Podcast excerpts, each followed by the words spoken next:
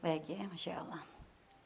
Seharusnya memang suami punya peran untuk menafkahi istri dan anak kan gitu. Jadi kalau kita lihat kasusnya si ibu tadi, ya ibu dari teman, ya, itu kan berarti harusnya ada suami yang menjadi penanggung jawab nafkah untuk istri, untuk uh, untuk ibunya sama untuk adiknya. Akan tapi permasalahan sekarang suaminya mampu tidak? Kalau suaminya mampu ya sudah. Artinya selagi masih terkor, terkontrol seperti itu, kita pun kalau memberi ya sekedar untuk sambung silaturahmi kan begitu.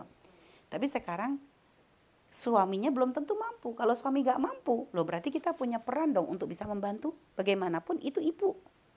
Gak putus, walaupun sebenarnya tanggung jawab ada di suaminya. Tapi kan suaminya juga tidak mampu. Masa kita biarin ibu kita begitu saja. Karena kan harus ada bantuan. Maka ke, tetap kewajiban untuk membantu ibunya dan membantu adik perempuannya. Jadi harus seperti itu. Nah, terus si istri, ya harus didukung dong. Pung nolong orang lain di luar sana pahalanya aja gede, apalagi yang ditolong adalah ibunya.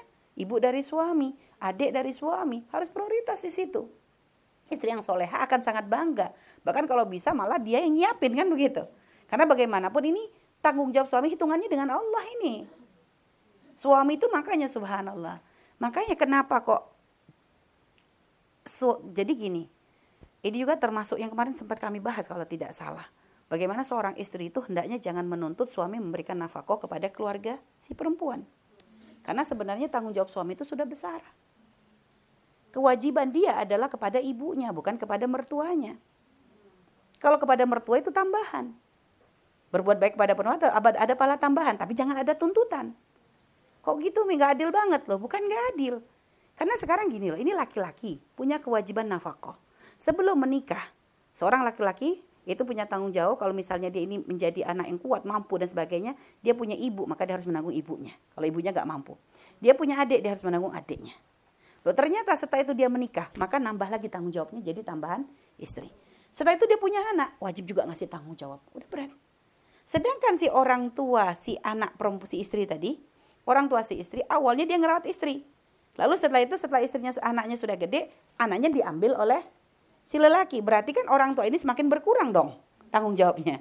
Semakin ringan, ibaratnya dulu ngerawat anak, sekarang sudah lepas. Lo kan berarti semakin ringan. Yang ini, yang awalnya cuma tanggung jawab kepada ibu sama adik, akhirnya nambah lagi istri, kan berarti nambah banyak.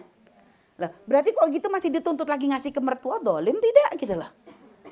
Jadi jangan dituntut. Adapun kalau nanti dia memberi, itu lain lagi itu. Itu bab fadilah, bukan bab kewajiban. Itu kayak sodakoh itu sambung silaturahmi dan memang hendaknya si lelaki ya jangan dolim banget juga sama orang tuanya istri walaupun nggak ada kewajiban perhatian dong. Karena bagaimanapun orang tua ini punya peran besar dulu untuk membesarkan istri kita, istrinya kan gitu. Jadi semuanya kalau pakai perasaan semuanya pakai ilmu pakai memahami syariat itu gak akan ada kayak hitung-hitungan ini mertua ini orang tua nggak ada karena ya orang mertua ya orang tuanya akan memberikan perhatian kepada semua. Tapi istri jangan nuntut gitu loh. Karena itu yang kami sering sekali, pertanyaan ini sering banget. Kami berkali-kali ditanya, gimana Umi, oh suami saya itu ngasih orang tua, tapi orang tua saya nggak pernah dikasih. Lo ngapain kamu nuntut? Terus untuk orang tua saya gimana? Orang tuamu ceritanya kalau orang tuamu punya anak laki-laki, ya itu tanggung jawabnya orang anak laki-lakinya. Jangan nuntut kepada suamimu. Gitu. Jadi ceritanya tuh muternya begitu. Tapi saya kebetulan nggak punya saudara laki-laki. Loh ini lain lagi. ya, tapi syariat kan membahasnya kan bukan satu kasus. Yang dibahas oleh syariat ini adalah kasus secara umumnya. Jadi dalam keluarga biasanya ada anak laki, ada anak perempuan. Anak laki ini punya peran begitu. Makanya kenapa dalam pembagian waris anak laki dikasih lebih banyak? Karena tanggung jawabnya lebih gede. Karena kalau perempuan tuh harta perempuan ya untuk miliknya sendiri. Nggak ada tanggung jawab orang tua atau siapa, nggak ada. Perempuan tuh kalau punya harta, miliknya pribadi.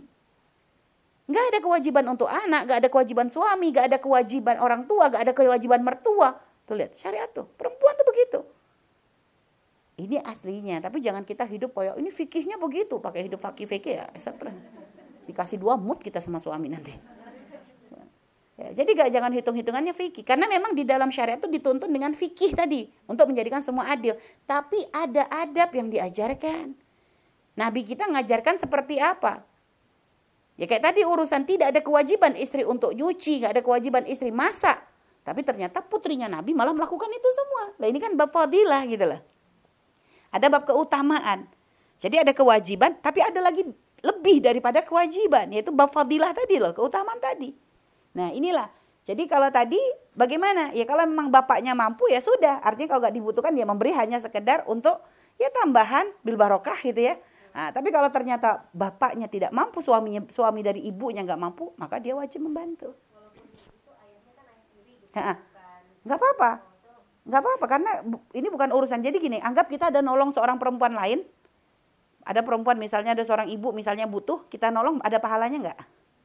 Padahal kan kita nggak ada hubungan dengan ibu itu nggak ada hubungan dengan bapaknya juga nggak ada hubungan. Nah ini kan ibunya masih ada hubungan. Urusan bapak tiri nggak ada nggak usah dilihat.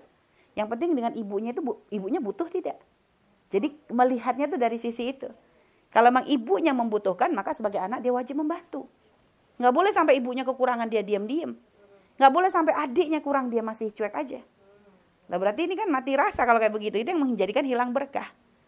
Makanya subhanallah, jadi para wanita-wanita, para istri-istri, ayo kita belajar mendukung suami kita untuk berbuat baik sebanyak-banyaknya. Nggak akan rugi. Hitungan urusan begitu tuh hitungannya dengan Allah. Matematika tuh nggak berlaku. Kita memberi tidak akan semakin berkurang, yang ada semakin berkah. Yakini itu.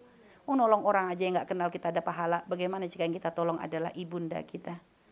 Ibunda dari suami kita Nah itu, itu akan ada ada pahala lebih ya. Jadi seperti itu. Jadi sampaikan tadi ke teman jangan ragu karena bagaimana memang bapak tiri nggak ada hubungan dengan dia, tapi bagaimanapun ya bapak tiri kalau memang sekiranya memang tidak mampu, maka yang harus lihat ibunya ini harus perhatikan. Itu kewajiban dia. Jadi seperti itu wallahu alam bisawab.